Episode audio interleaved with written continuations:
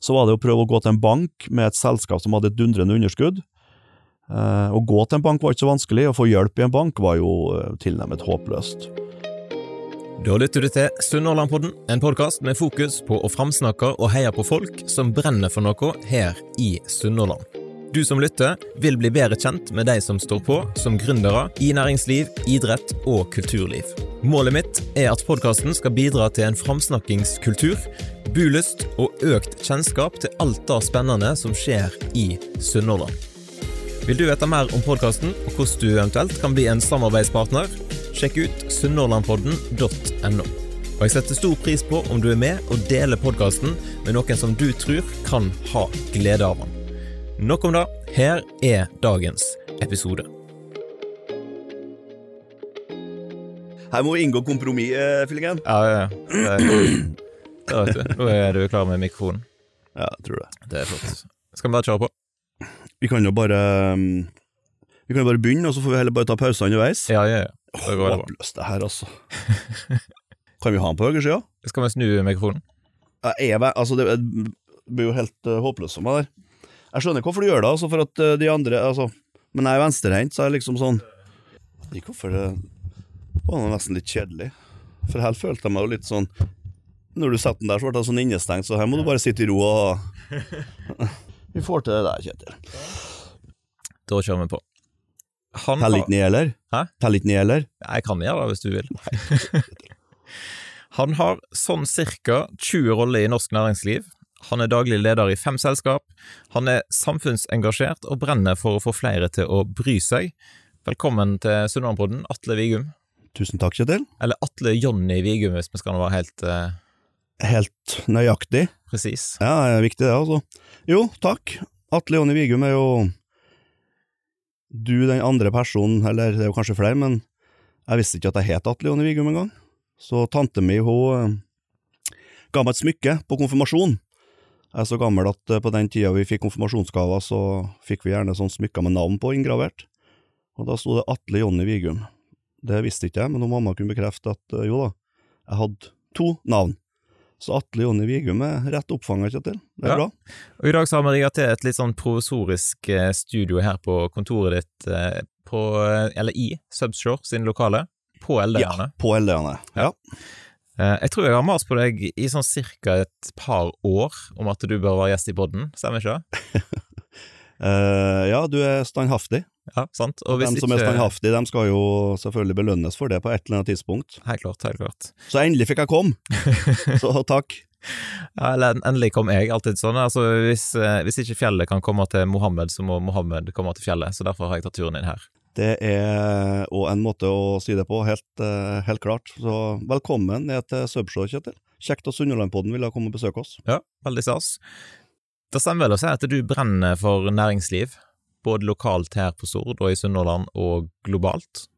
Ja, det var Hørtes litt voldsomt ut der når du tok med globalt, òg, men eh, bryr du deg lokalt, så bryr du deg vel egentlig implisitt eh, globalt, sånn sett. Eh, det meste begynner jo med, med, med seg sjøl. men ja, eh, gjør jo det. Jeg er vel det skal vi si, lokalpatriot. Jeg har vel alltid vært lokalpatriot uansett hvor jeg har bodd den rundt omkring i, i, i landet. Syns det er litt viktig å eh, være litt engasjert og bry seg om det lokalsamfunnet som en er en, eh, en del av. Og da blir det jo litt sånn at eh, iveren tar litt overhånd, og så blander du deg borti en god del, både her og der. Så da blir det jo litt sånn at du blir eh, Du blir gjerne litt engasjert og koker litt over innimellom og sånn, men det Skriv litt innlegg på Facebook. Ja, det hender seg at det, det kommer noen gloser der òg. Men det, altså, det som er viktig, tenker jeg, det er at vi kanskje generelt eh, i samfunnet, mulig at det er blitt en utvikling som har akselerert, eller at det bare er jeg som begynner å bli en eh, gammel mann, men vi bryr oss generelt for lite, eh, er min tanke. Og så skal ikke jeg prøve å rette opp for det på, på noen mulig måte, men eh, det å, å bry seg er viktig, og det å ta seg tid til å bry seg eh, er viktig. Og eh, jeg tenker at vi eh, vi bruker for lite tid på å mene noe, og på den måten så er det òg eh, lett at dem som roper høyest, får mest plass, og det er ikke alltid sånn at dem som roper høyest, det er kanskje dem som har de beste meningene for fellesskapets beste i samfunnet. Um, derfor er det, synes jeg, viktig å, å bry seg eller å mene noe, og da skriver jeg jo mye på Facebook. Det er noe, eh, en plass det er lett å, å, å, mene noe på godt og vondt, og det er jo der du finner både nettroll og andre ting. og Nå håper jeg ikke jeg blir oppfatta som et nettroll, eh, men det, å, det blir for dumt å la folk få lov til å mene noe som er beviselig feil, eller det å ikke forfekte fakta og ikke gå imot sånne, det blir for lettvint, eh, eh syns jeg. Eh, og det er eh, Jeg skjønner kanskje hvorfor. altså Hvis du mener noe, så må du òg kunne stå for det, og du må kunne argumentere for det. Det er gjerne litt arbeid å gjøre, og mange tar seg nok ikke tid til det, eller vil ikke ta den. Det blir litt sånn uff, må vi det? For når du snakker med folk, så spør de ja, hva, hva mener du om det, synes du det er rett at det skal være sånn eller sånn? Nei, nei, nei, nei men hva gjør du med det? Nei, jeg sier jo ikke så mye om det. Um, og det, det, det, er ikke en god sak. Uh, så vi, vi, skulle ha vært flinkere til å gi meninga vår, uh, og vi trenger ikke være enig i alt, overhodet ikke. Jeg er i hvert fall ikke enig i alt, men det må, må alltid være en form for konstruktiv kritikk, hvis du mener noe. Så hvis du, jeg syns at du, Kjetil, gjør en dårlig jobb i Sunnlandpodden, så um, sier jeg det til deg, men da må jeg òg si hvorfor jeg mener at du gjør en dårlig jobb, og så må jeg også si hva jeg mener du skulle gjort annerledes. Da begynner det å gi mening. Og da kan vi ha en, uh, en utveksling, og så kan vi bli enige eller ikke enige, men da henger det på en måte på greip, tenker jeg. Så det å forfekte uh, fakta, det man, uh, det man passer på å gjøre, to pluss to, er fire. Den dagen vi mener at det er tre eller fem, så er vi ute og kjøre, og sånn, sånn preges en del av uh, debatten av. Og hvis du i tillegg hiver opp i ingrediensen følelser i det der, jeg føler, da er du uh, Ute og kjøre. Da er du ute å kjøre. sånn er det. Ja, Vi skal komme litt tilbake igjen til ulike ting som du brenner for og sånn etter hvert, eh, eller ting som du har engasjert deg i iallfall. Men før da så er det jo kjekt å høre litt om hvem du er og din historie. Du så dagens lys i 1973, stemmer ikke det?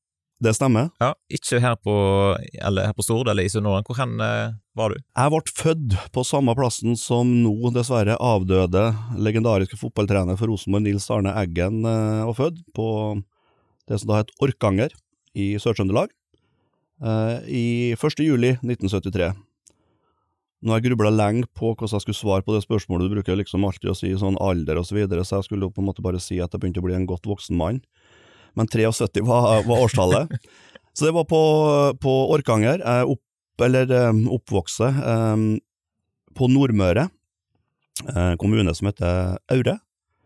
For dem som ikke er så veldig geografisk kjent oppover i Midt-Norge, så er det der som eh, Equinor sin metanolfabrikk ligger, Tjeldbergodden. Den er det mange rundt her på Stord som eh, vet av. Det er retta med Trondheimsleia, midt imellom Trondheim og Kristiansund.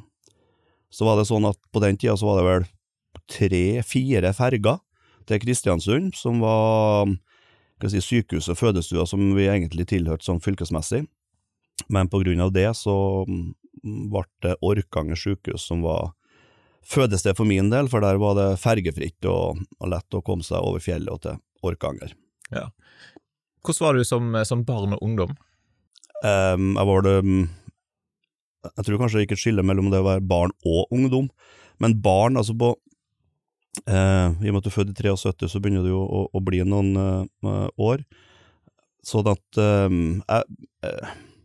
Vi var jo veldig mye ute, og det å være aktiv var en helt naturlig del av, av barndommen. Nå er jeg vokst opp på gård. Eh, Besteforeldrene mine eh, hadde gård, som mamma og pappa eh, tok over etter hvert. Eh, så når du er vokst opp på gård, så blir, det, blir en naturlig del, egentlig, av, av, både oppvekst og lek. Så vi leka i hersa, og vi var med når det var våronn, og, og vi var med i fjøset og det som var rundt det å være på en gård. Så på den måten så lærte du ganske raskt, har jeg tenkt på i ettertid, jeg tenkte nok ikke på det når jeg var unge, men du lærte ganske raskt det der å ta ansvar, at ting ikke kommer til seg sjøl, som Vømmøl eh, sier. Um, det å, å, gjøre ting for å få til ting, det å gjøre ting for å skape ting, altså du dyrker din egen mat, du um, eh, lærer at eh, melka dukker ikke på mystisk vis opp i hyllene på butikken, eller kjøttet er ikke noe du på en måte bare ramler ned i butikkhylla, det er noe som er nødt til å lages. Eh, og sånn er det jo med alt du driver på, med det som vi kan oppsummere som verdiskaping. Og kanskje det var med til å forme til den eh, eller til det engasjementet jeg har i dag med tanke på privat verdiskaping. Det, det er godt mulig. Det kan godt hende at det er bare noe som eh, høres fint ut, og tenk på det sånn i etterkant, men jeg tror faktisk at eh, de tinga der setter en viss form for brennmerke i deg, og at det er en del av den lærdommen du tar med deg og reflekterer over seinere, som gjør at du tar de valgene du, du tar.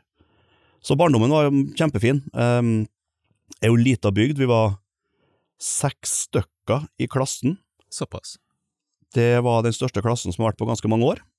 Uh, og sånn var det jo på små bygdaskoler. Vi var da første, andre og tredje trinn i lag i klasserommet, og så var det fjerde, femte og sjette som var i et annet klasserom. Og så kan jeg jo mene mye om det, og, og, det å ha så små skoler er nok uh, Har jeg kunnet valgt, så ville jeg nok heller vært del av et større miljø. Samtidig så tror jeg overhodet det var noe vi tok uh, skade av.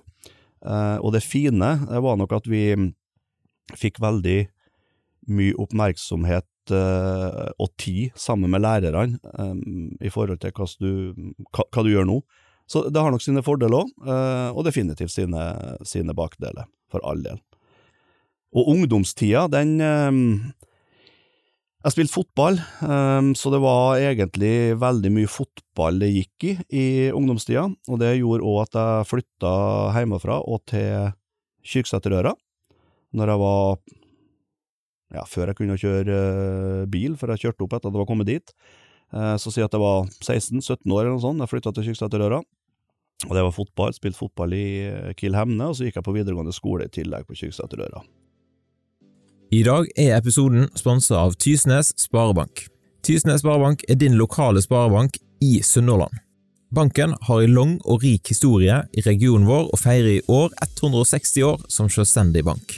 Med et urolig verdensbilde, inflasjon og stigende renter kan det være godt å ha en levende bank å søke råd hos. Hos Tysnes Sparebank finner du lokale rådgivere som ønsker å være en aktiv medspiller for å finne gode og langsiktige løsninger for kundene sine. Velkommen til verdens mest personlige bank. Stor takk til Tysnes Sparebank for at de vil være med som sponsor for dagens episode. Hva posisjon eh, spilte du typisk? Eh, venstrefota, så da var det naturlig å være på venstresida. Så det var stort sett eh, venstreback eller venstrekant foran.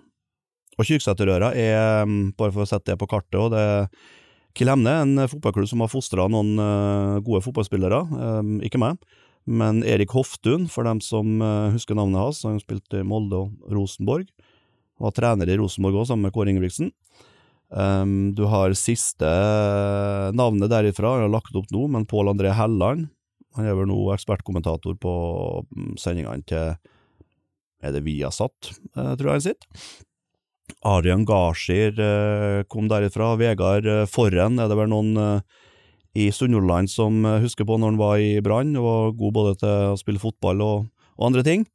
Han er vel nå på Færøyene, tror jeg. Så de har fostra noen gode fotballspillere, og for dem som ikke er glad i fotball, men kanskje er glad i vinteridrett, så er det derifra Berit og Ove Aunli kommer. Og for dem som ikke er glad i idrett i hele tatt, så husker de kanskje på en mulla Krekar. Og ja, Kyrksæterøra var dit han skulle sendes. Ja. Så da har vi plassert Kyrksæterøra på kartet. Høres bra ut. Ja. Det Stemmer det at du av og til blir blanda med Bjarne Brøndbo fra DDE? uh, det har hendt seg.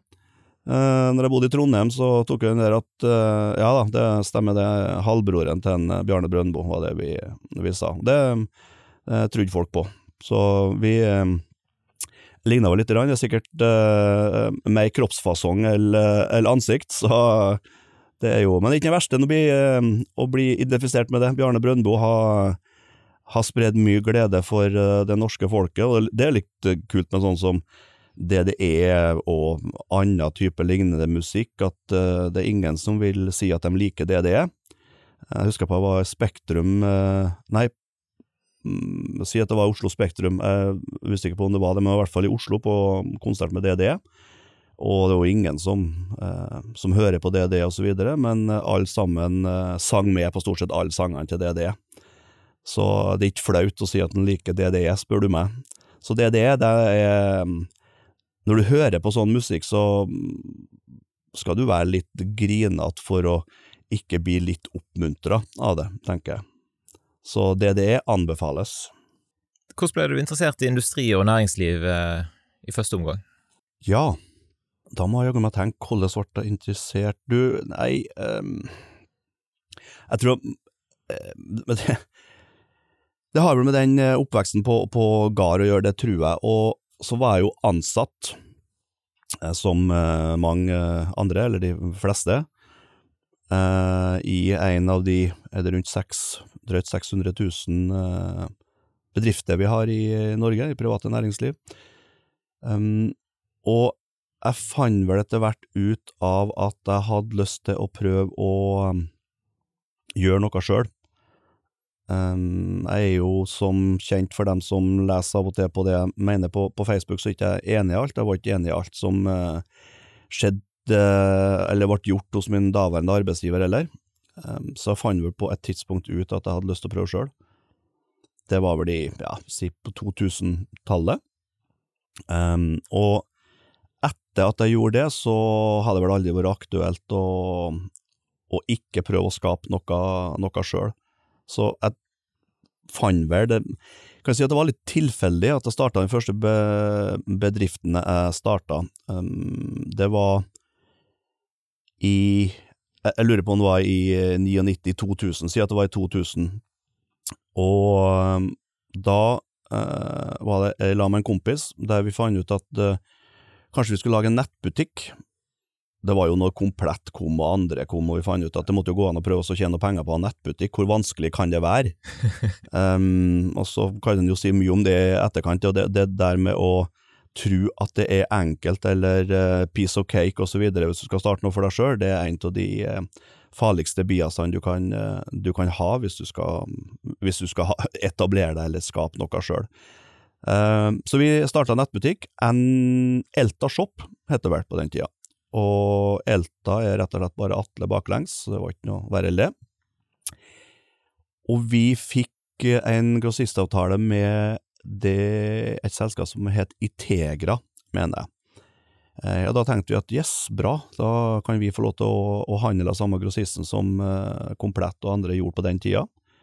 Så viste det seg jo at eh, innprisene våre var ca. akkurat det samme som Komplett og Elkjøp og andre solgte ut for.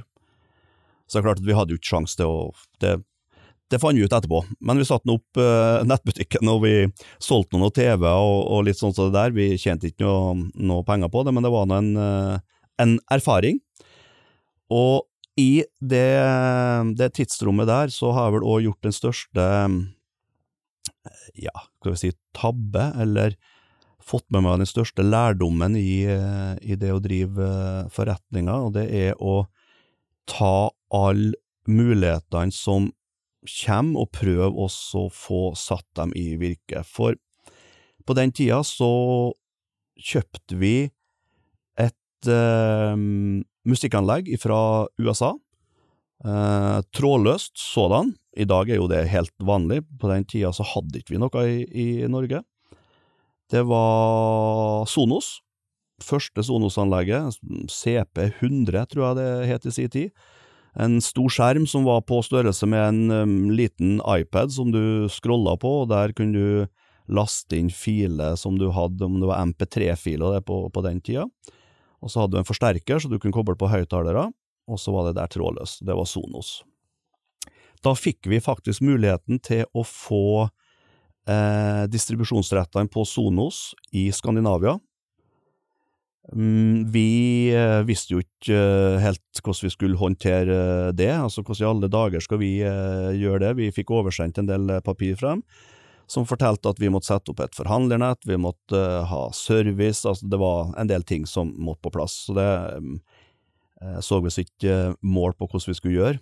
Hadde det vært i dag og fått en sånn mulighet, så hadde du selvfølgelig bare tatt den, og så hadde du tromma sammen en, en, gjeng som har klart å håndtere det, og så har du kunnet hatt Sonos. Nå var det andre som fikk det, men det var Det er jo litt kult å tenke på at du hadde du kunne hatt muligheten, du fikk den i hvert fall. Eh, vi klarte ikke å forvalte den, eh, og det var det andre som gjorde. Og Sonos har jo virkelig tatt av i, i hele verden, men også i Norge og, og Skandinavia. Eh, så det var en lærdom, det der at vær si, årvåken, eller se på alt i rundt deg, for det er masse muligheter hele tida hvis du er, er gründer, og det er en av de egenskapene som er viktige. Det er å, å være åpen for alt, Uh, alt kan gi en mulighet, og så er det det med å forvalte det på en, eh, en, måte, og ikke være redd for å ta med deg andre som har de egenskapene du mangler for å kunne forvalte de der mulighetene. Det å bygge et godt team med ulike, ikke ulike mennesker, men mennesker med ulike egenskaper, for å kunne ta sånne muligheter, det er kanskje en av de viktigste tingene for å kunne få til noe som gründer, der du kan få eh, gjort ting som ingen andre gjør.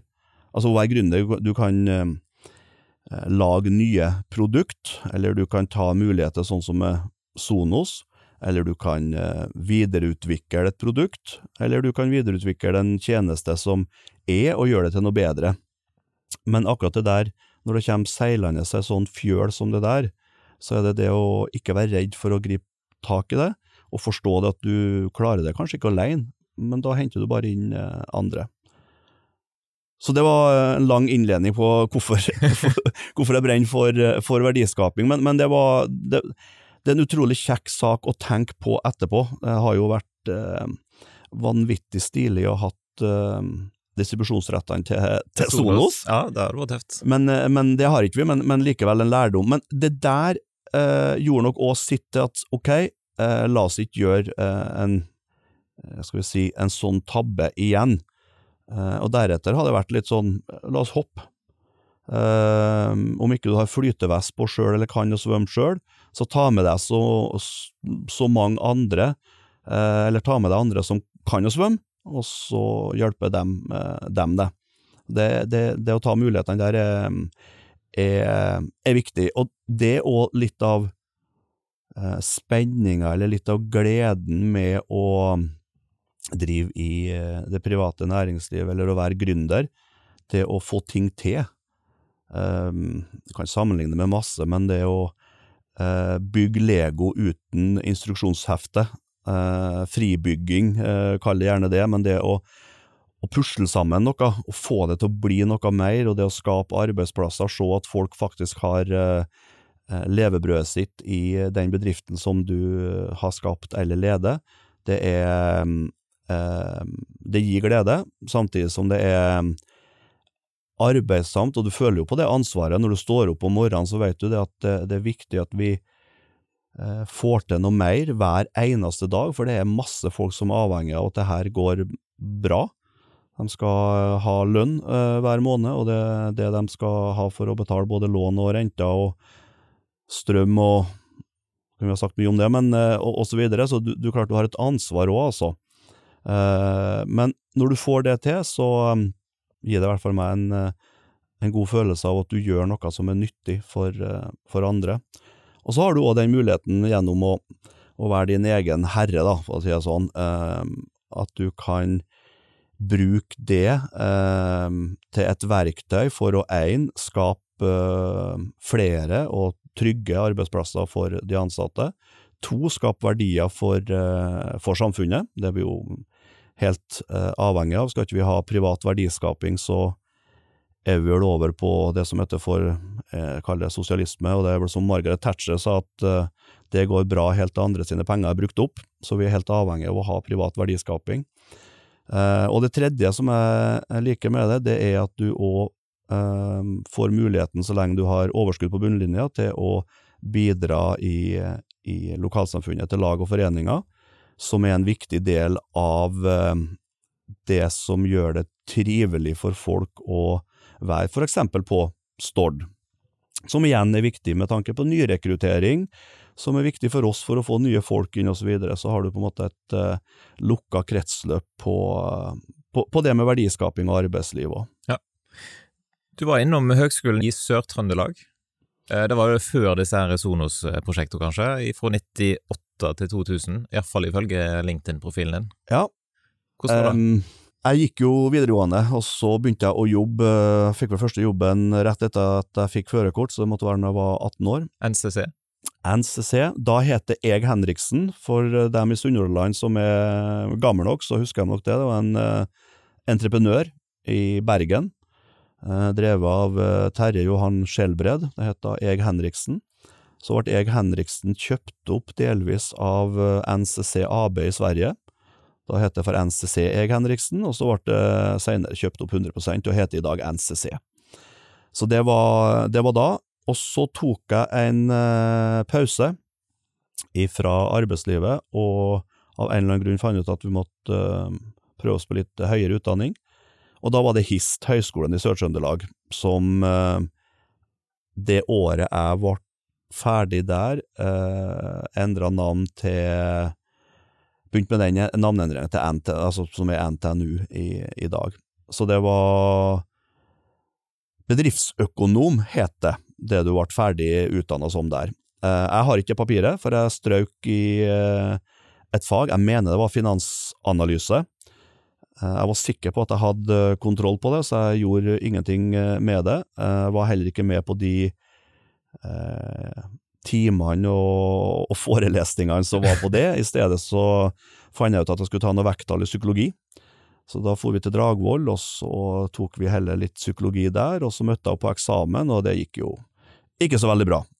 Jeg har aldri tatt det opp igjen etterpå heller, så jeg har faktisk ikke noe, noe papir. Men det har gått sånn rimelig greit likevel etterpå. Men uansett, det var en veldig eh, god erfaring å ha med, og du, du, lærte litt. Hvor mye av det jeg husker i dag, det skal jeg ikke si, men det som jeg kanskje eh, uansett har igjen som lærdom derifra, det er at når du går skole etter at du har vært ute i arbeidslivet først, så relaterer du deg til det teoretiske stoffet på en litt annen måte enn du, du gjør hvis du bare, bare har vært student. Så jeg hadde litt andre knagger å henge teorien på, um, og det er kanskje det som man har lært mest av i etterkant, altså det å, å hele tida bruke den bagasjen du har for å kanskje eh, se på omgivelsene dine på en litt annen måte, finne den røde tråden, se prøv også å se helhetlig på en, eh, på en, del ting, sånn at du hele tida har med det perspektivet i det du gjør. Det mener jeg er, er fornuftig i ganske mange henseende, og noe av det som sitter igjen egentlig fra studietida mi i, i Trondheim. Og så er det jo kjekt å være student, og skulle gjerne vært det igjen. Etter hvert så hadde du en eh, del år i Hammerfest, stemmer ikke? Det Det stemmer, fantastisk. Eh, det å oppleve Nord-Norge, Finnmark, er er en opplevelse i seg sjøl. Eh, jeg har ikke Jo, det har jeg vært. Jeg var i militæret, så var jeg på Andøya, men utover det så hadde jeg vel egentlig aldri vært nord for uh, Trøndelag. Lengst opp jeg var, var det sikkert i Levanger eller noe sånt når vi spilte uh, fotball, men utover det så har jeg aldri vært uh, lenger nord i Norge. Og veldig mange av oss har faktisk ikke vært i Nord-Norge og Finnmark, og det er jo gjerne sånn at når vi skal reise norsk, så reiser vi sørover eh, som har sin grunn. Eh, greit å reise fra Norge med mørke og vinter osv. til, til sørlige strøk, så vi reiste veldig mye, mye sørover. Men det å da komme opp til Hammerfest, det var når jeg jobba i NCC. Da hadde vi en kontrakt på, på Melkøya og Snøhvit-anlegget til Equinor. Det var Jeg så ikke fram til det med glede, men det tok ikke så veldig lang tid før jeg fant meg veldig godt til rette i, i Finnmark. Finnmark er, er fantastisk hvis du eh, like natur. Eh, det å være ut, er det Det er kjempefint, altså. Og det tror jeg Stord-samfunnet spesielt eh, kan skrive under på. Det er utrolig mange her på Stord som har vært i Finnmark og Hammerfest, fordi at Aker Stord hadde jo en kontrakt på bygginga av Melkøyfabrikken. Eh, og de aller, aller fleste, om ikke alle som jeg snakka med, de har veldig gode minner om tida i, i Hammerfest og på, på Snøhvit. Um, og der gjorde jeg som jeg har gjort på de fleste plassene jeg har vært og bodd, at uh, der jeg jobber, dit uh, flytter jeg. Um, så jeg flytta til Hammerfest òg, kjøpte meg leilighet der, og etter hvert så fant jeg òg min uh, samboer, hun er fra Hammerfest. Så, så, Hammerfest er familiært sånn sett, men bare gode, gode minner derifra, altså på sommeren med det som eh, Hele Norge er jo fint på, på sommeren, men, men eh, Nord-Norge og Finnmark er ikke noe dårligere enn Sør-Norge. Og på vinteren med skuterturer innover Finnmarksvidda, eh, isfiske Det er, det er en, eh, en form for ro eh, du kan få oppleve der, som du kanskje ikke finner så veldig mange andre plasser. Det å kjøre scooter innover Finnmarksvidda, eh, parkere scooteren og rett og slett bare sitte på scootersetet og se utover vidda uten å se noe som helst. Eh, det er da du veit hva ingen lyder egentlig kan, eh, kan gjøre med deg. Det det er fantastisk. Så reis nordover anbefales definitivt for, eh, for alle av oss, altså. Men dere ble ikke værende der? Etter hvert så flytta dere til Stord? Du var kanskje innom flere plasser på veien? Ja, altså fra, eh, fra, fra jeg var liten av og første gang flytta til Kyrksæterøra og fram til jeg kom til, til, Hammerfest, så har jeg vel bodd i Jeg bodde bodd i Bergen, jeg har bodd i Stavanger, jeg har bodd i Lærdal, jeg har bodd i Oslo, jeg har bodd i Trondheim. Jeg har en del år i Danmark, jeg har bodd i Randers, og jeg har bodd i Aalborg. Jeg hadde en tur i Stavanger, Um, Haugesund vil ikke jeg si at jeg bodde, for det var pendlerleilighet, men jeg hadde en leilighet der uh, eh, og for litt att og fram. Og så kom jeg til Hammerfest, før vi sannsynligvis har stoppa opp med flytting på ei god stund her på, på Stord. Jeg har hørt rykte om at, at, du lovte at det skulle være ett år på Stord, og så har det blitt iallfall 16 til nå, da? um, Jeg har forstått at av og til så er det noen i heimen min som har sagt at jeg, jeg lovde at det skulle være ett år. Jeg, jeg, for å være helt ærlig så er jeg usikker på om jeg noen gang har lovd at det var ett år, men det som vi gjorde, var at vi i eh, Hammerfest så hadde jeg et selskap som da het uh, ikke Elta Shop, men Elta Management. Um, det selskapet fikk en kontrakt med Akestord på den tida. Jeg ble Eh, ansatt nummer én i det selskapet, og derfor jeg starta selskapet, fordi at Aker lurte på om eh, jeg ville jobbe på Snøhvit-anlegget. Så starta jeg selskapet og leide ut meg sjøl til Aker. Så var vi på innkjøp på, på Snøhvit-prosjektet, så da jobba jeg for Aker. Så ble det sånn at eh, de trengte mer folk, så da ble det ansatt nummer to. Han heter Espen Larsen. Han har vi faktisk også tatt med oss ned til Stord, så han bor her på Stord i, i dag med familie. Han drev med IT og passa på alt av IT og nettverk og det som vi hadde på kontorbrakkene våre og fasilitetene på Melkøya. Eh, så ble det ansatt nummer tre og fire og så videre, så før vi var ferdig der, så hadde vi ca. 100 ansatte i Elta Management. Eh, det ga jo eh, et, du, har på en måte et ansvar for de arbeidsplassene òg. Det hadde vært enkelt å bare lagt det ned og tatt overskuddet og kunne vært en god, en, en god pensjon og hatt med seg det. Eh, men som sagt, du kjenner litt på det der at det, det ene er jo at, som jeg har sagt, at det, det er kjekt, det andre er at du, du har et ansvar for de, for de, ansatte, og det må, må du forvalte på en, på en, god måte. Så det vi gjorde der, var å fortsette med, med selskapet. Så fikk vi en eh, kontrakt med Aibel, som fikk eh, vedlikehold og modifikasjonskontrakten på, på Snøhvit. Eh, så fikk vi en mulighet til å fortsette med den eh, avtalen med Aker. Aker var jo ferdig på anlegget, så skulle vi på en måte gjøre noe der, så måtte jo det på en måte naturlig være på Stord, på verftet til Aker. Så da flytta vi ned, fikk kontor, leide oss plass på Bleikjahaugen, og så begynte vi å bygge opp selskap her på, på Stord. Så Aker har vært en veldig, har vært og er i dag òg for Subshore, en uh, veldig god samarbeidspartner samtidig som har vært en god kall det gjerne sparringspartner som har utfordra oss hele tida på, på ting. Uh, vi har prøvd eh, så godt vi kan å ta imot de utfordringene. Uh, Syns vi har løst en, en, del av det på, på, en god måte, så det er alltid sånn at du kan gjøre ting bedre. Det er viktig å ha med seg. Men den dag i dag også er Aker Solution en, en god samarbeidspartner av oss, og en partner som vi eh, lære mye av, en partner som er villig til å lære oss eh, ting, og så lenge vi tar det til oss, så klarer vi å, å, å få gode ting til i lag, tenker jeg. Og det synes jeg nå, sånn som Subshore er, er, blitt et godt eksempel på her på Stord, og jeg håper vi kan, uh, kan fortsette med det framover. Så Aker er vel direkte, indirekte skylda i at jeg kom til Stord, så hvis det noen ikke liker at jeg er her og mener mye på Facebook, så får de gå til en Arve Kleppe, eller nå er vel ikke en Arve Kleppe og reise for til Dubai, men Aker er årsaken til det, ja. på godt og vondt. Du må fortelle litt om hvordan Subshore ble starta, 2013. Tiårsjubileum i år, rett og slett. Ja, det ble det selskapet som vi hadde når vi kom ned, ned hit, het Elta Management. Det ble kjøpt opp delvis av et selskap på Sunnmøre som da het Møreteknikk. Så fusjonerte vi de her selskapene sammen, og det ble det selskapet som eksisterer i dag, som heter Adima. Um, Adima er her på, på Stordå og har samarbeidsavtale med annet Aker i, den, den, dag i dag.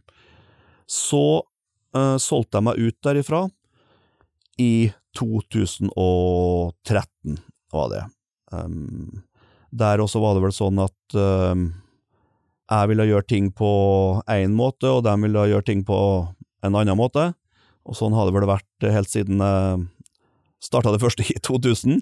Så det er vel ingen som vil, vil være i lag med meg, og jeg vil ikke være i lag med noen, så da var det vel like greit at vi, at vi starta på nytt. Så det ble et nytt selskap i 2013 etter at jeg solgte ut der. Jeg husker det veldig godt, for jeg var i Haugesund, på sykehuset. Eh, og hadde generalforsamling, stiftelsesmøte, i selskapet samme tida som eh, eh, Linus, vår eldste gutt, ble eh, født.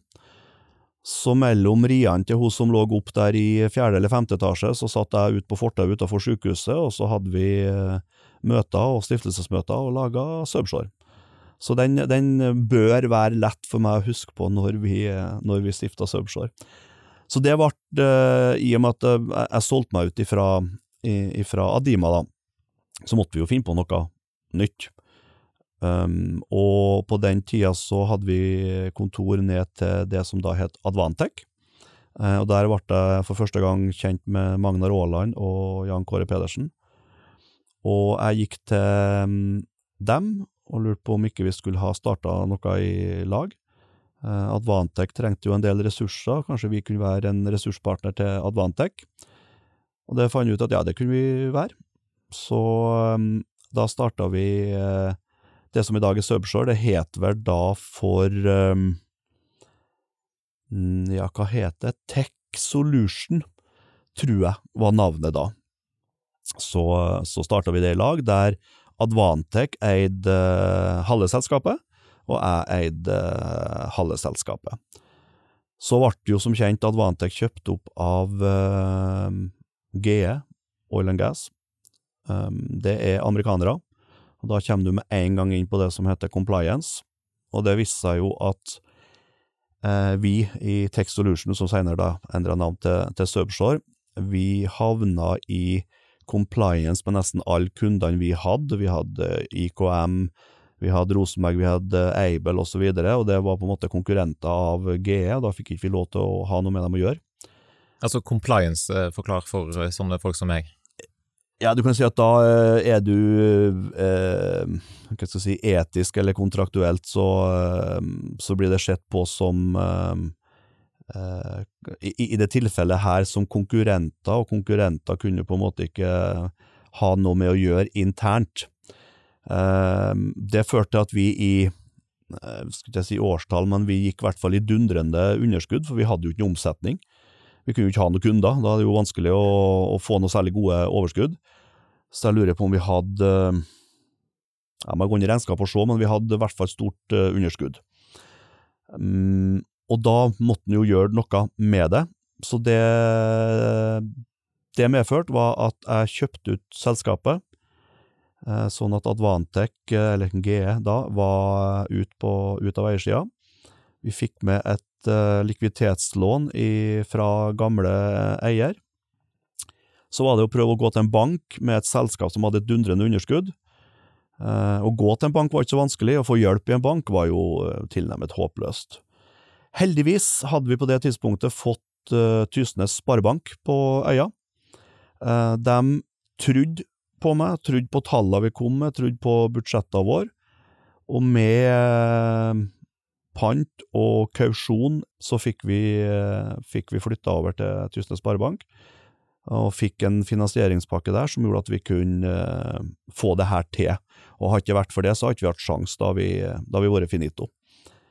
Uh, så da var det bare å, å på en måte nesten starte på, på nytt, sammen med Tysnes Sparebank, og så er vi nå der vi er i dag. Men det er klart det var eh, Det er vel det som må kalles for en form for trang, trang fødsel, altså. Ja, hvordan føltes det, for da har du gått ifra å lykkes veldig med ulike ting, og så er du plutselig på underskudd og må gå med hua i hånda til banken? Jeg vet ikke om det, om det var så mye følelser, det var vel mer det der at du eh, Innbitthet at Altså, du har jo trua på det du gjør, eh, og så er det jo viktig der òg å ikke ha uh, urealistisk tru på ting du holder på med. Da er det, da er det bedre å å gå og levere selskapet til, til oppbud, så det må være realisme i det du har med å gjøre. Du har jo tross alt kreditorer og ansatte og andre her som du har et, eh, et ansvar for. Det er jo eh, strafferett og inni i, i, det, i, i, så sett. Så, eh, men vi, vi hadde trua på det vi, det vi, holdt på med, og trodd på de tallene, så det var, det var mer innbitthet. Men det er klart at du, du, du blir jo oppgitt når ingen tror på det. Det er jo ikke, noe, det er ikke kjekt å ikke bli trudd. Og så er nå bankene, de har nå sitt eh, eh, mandat, og det å, finansiere selskap med, med, underskudd, det er jo ikke noe de, eh, de, har så veldig lyst til.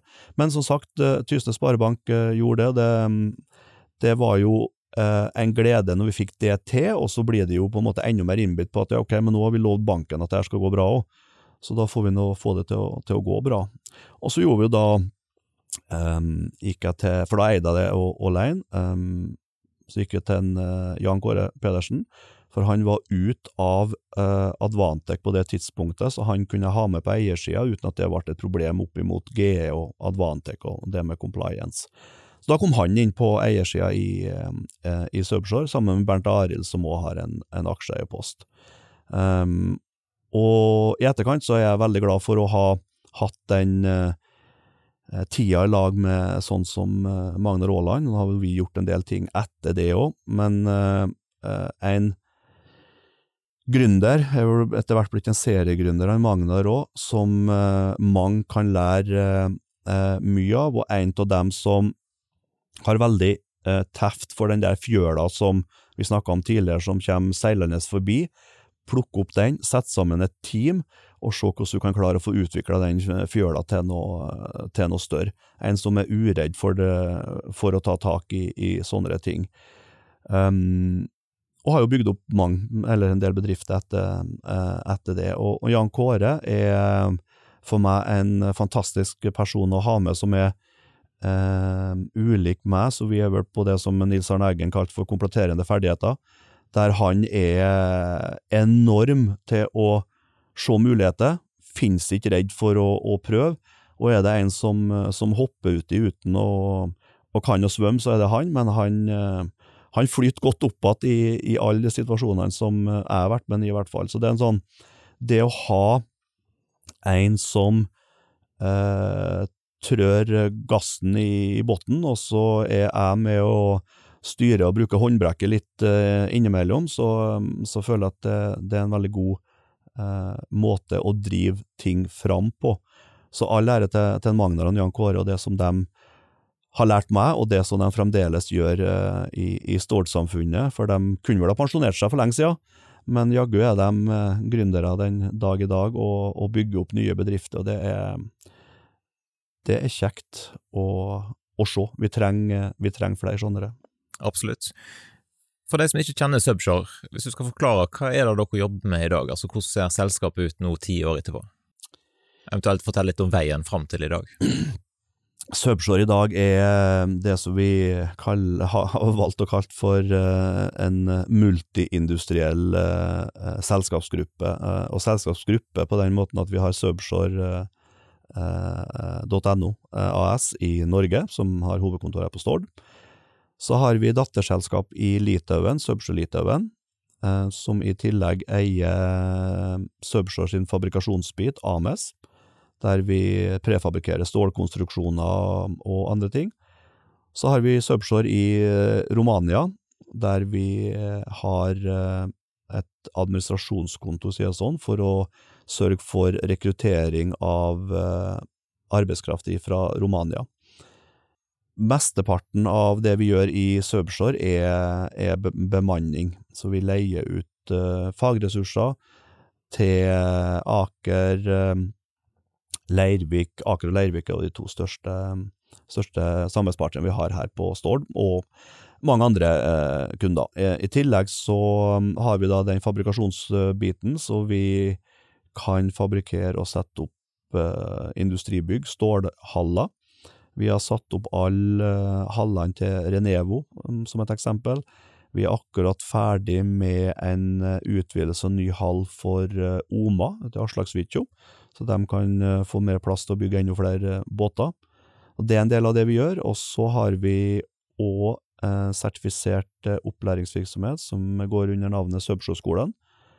Så har vi eh, sakkyndig del, eh, så vi er god, godkjent sakkyndig på kran og løft. Og så har vi en del utstyr og andre ting der som kaller for spesialisttjenester, men brorparten av, av omsetninga vår kommer fra, kommer fra bemanningstjenester. Så da har vi gått ifra noen få ansatte til at vi i dag eh, i alle selskaper, både i Norge og, og i de andre landene, er sånn ca. 600 ansatte. Så det um, begynner å bli litt størrelse på det, men det er jo kjekt. Men hvordan er det å sitte her på Stord og ha oversikt over eller kontroll på alt dette her? Det går, eh, det går for så vidt fint. Vi har et, eh, et fantastisk eh, lag som er, er, er, satt sammen, der jeg gjør vel minst av, av alle. Vi har en veldig god administrasjon her på Stord, vi har en fantastisk gjeng i, i Litauen, og vi har det samme i, i Romania. Så å sitte på Stord og på en måte styre det er ikke, er ikke et problem. og vi så det vel under, under, covid, det er klart at verden har på en måte blitt plutselig litt mindre, der vi ser at samhandling på for eksempel Teams går kjempefint. Eh, vi måtte vel bli tvinga ut i det, men nå i etterkant så ser vi jo at det har blitt eh, mer og mer samhandling på den måten her, hvor det kanskje var før. Så verden er ikke, er ikke, så stor, så er det jo muligheten til å sette seg på et fly og fære rundt på de her ulike plassene. Jan Kåre hos oss er, er, den som reiser rundt og holder i de utenlandske avdelingene. Um, og utover det så, så er det, er det folk som, som, gjør en fantastisk jobb, både på, på kontoret og ut hos samarbeidspartnerne våre hver dag, så um, det er uh, Skal vi kalle det en, uh, en glede å kunne lede et sånt selskap når du har dyktige folk med deg. Og der handler det litt om det der med kompletterende ferdigheter, og det å Eh, se sine egne begrensninger, ikke være redd for å ta med deg folk som er bedre enn deg sjøl på, på, noe. Um, bruk det for alt det er verdt å sette sammen et godt team rundt deg, så, så får, får, du, eh, får, du, virkelig igjen for det, altså. Vil du si at det da er en viktig del i lederfilosofien din? Å ha med seg folk som ikke er lik meg? Jeg tror det er veldig viktig å ha, å ha med seg folk som ikke er lik meg. Uh, så ja, det, det er vel um, um, en sjølinnsikt, håper jeg, jeg har i meg sjøl som, uh, som gjerne kaller lederfilosofi, altså, men det, ja, det, det, er viktig å ha med seg folk som er bedre enn deg på ting som du eventuelt er dårlig til, eller ting som du er god til, men andre folk er bedre på. Um, og jeg har ikke kunnet, kunnet hatt alle uh, de posisjonene som, uh, som, vi har ansatte i administrasjonen i dag, fordi at jeg har ikke vært skikka til, til, å bekle de posisjonene. Eh, det ene er at du kan jo selvfølgelig ikke gjøre alt uh, sjøl, det er jo en sånn kanskje litt ulempe når du er gründer, at du er livredd for å slippe inn andre, for du vet best sjøl, men uh, på et visst tidspunkt så er det viktig å gi slipp på det, og få med seg, få med seg andre. Men ja, det er, det er kjempeviktig det der å kjenne sine egne begrensninger, og det å se på hvordan du skal bygge opp det beste teamet i, i rundt deg. Og da er det jo en del egenskaper som du er avhengig av, og så er det òg viktig å passe på det med kjemi. Um, og få til et godt team sånn. Så arbeidsmiljø, skap Altså, min jobb går jo litt i det å prøve å finne de rette personene, eller i hvert fall avdekke hvilke personer vi kanskje trenger. Og så er det det å prøve å sy et, uh, et godt arbeidsmiljø rundt dem, uh, gjøre det jeg kan gjøre for å gjøre dem gode. Um, for du skal ha litt sånn, du skal stå opp om morgenen, og, og du bør glede deg til å, å gå på jobb. Uh, og da er um, omgivelsene du sitter i, um, kollegaene du har, de verktøyene du trenger for å få gjort en god jobb, alt det der er viktige ingredienser for å få det der som vi gjerne kaller for arbeidsmiljø til å være en, en positiv uh, sak. Hva vil du si er det mest krevende da, i løpet av disse åra? I det mest uh, Nei, det hadde jo lett å, å tenke på, på pandemien, eh, når den kom. Når du driver eh, med utleie av, eh, av arbeidskraft som, eh, som, vi gjør, og veldig mange av våre ansatte kommer fra andre EØS-EU-land. EU, det er klart at når grensene ble eh, stengt, og vi måtte permittere, ja, var det ca. 200 mann eller noe sånt på det tidspunktet, så klart det var eh, det var krevende i seg sjøl. Um, jeg var sikker på at det kunne gå galt. Heldigvis så uh, fikk myndighetene skrudd sammen ei ordning, som vi, vi skal gi dem all honnør for, der uh, tok altså staten tok ansvaret for permitteringskostnadene. Har vi måttet tatt permitteringskostnadene på, på, de folka, så har vi jo selvfølgelig vært finito. Det har jo vært eh, vanvittig mange millioner i, eh, i, i kostnader. Eh, det tok, eh, tok staten eh, og storsamfunnet ansvar for, og det mm, berga selvfølgelig oss i, i, i første omgang. Og så var det krevende når du eh, eh, mista så mye av omsetninga som følge av at folka dine ikke fikk komme inn og jobbe, så får du heller ikke omsetning på dem.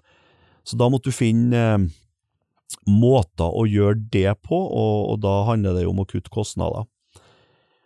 Så ønska vi egentlig ikke å kutte eh, Eller ønska, altså, vi hadde ikke eh, Vi ønska helst ikke å kutte kostnader. For, for oss å kutte kostnader betyr jo det at du er nødt til å permittere, redusere arbeidsstokken din.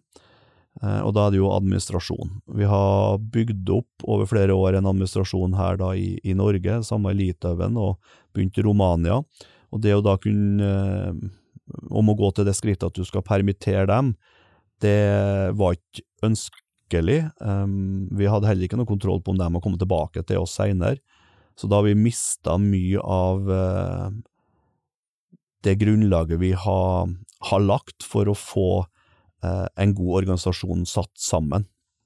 Så vi valgte å ikke gjøre det, og resultatene våre ble nå så som så, men vi har faktisk klart å, å få pluss, plussresultat i, eh, i de her åra, likeens i fjor. Eh, ikke noe voldsomt plussresultat, men vi, vi klarte å komme i pluss, så da Eh, jeg at vi skal være fornøyd med det. Det er faktisk mange som ikke har klart å, å, å få det til av ulike årsaker. Ikke nødvendigvis for at, de, at, vi har vært bedre eller noen, men vi skal være fornøyd med at vi, vi har klart å få det til. Vi permitterte ingen uh, i uh, administrasjon, så alle som vi hadde før pandemien, de er med oss nå òg. Det er selvfølgelig en, en pre når vi da etter pandemien mm, fikk en voldsom vekst som følge av at prosjekt og andre ting skulle starte opp igjen.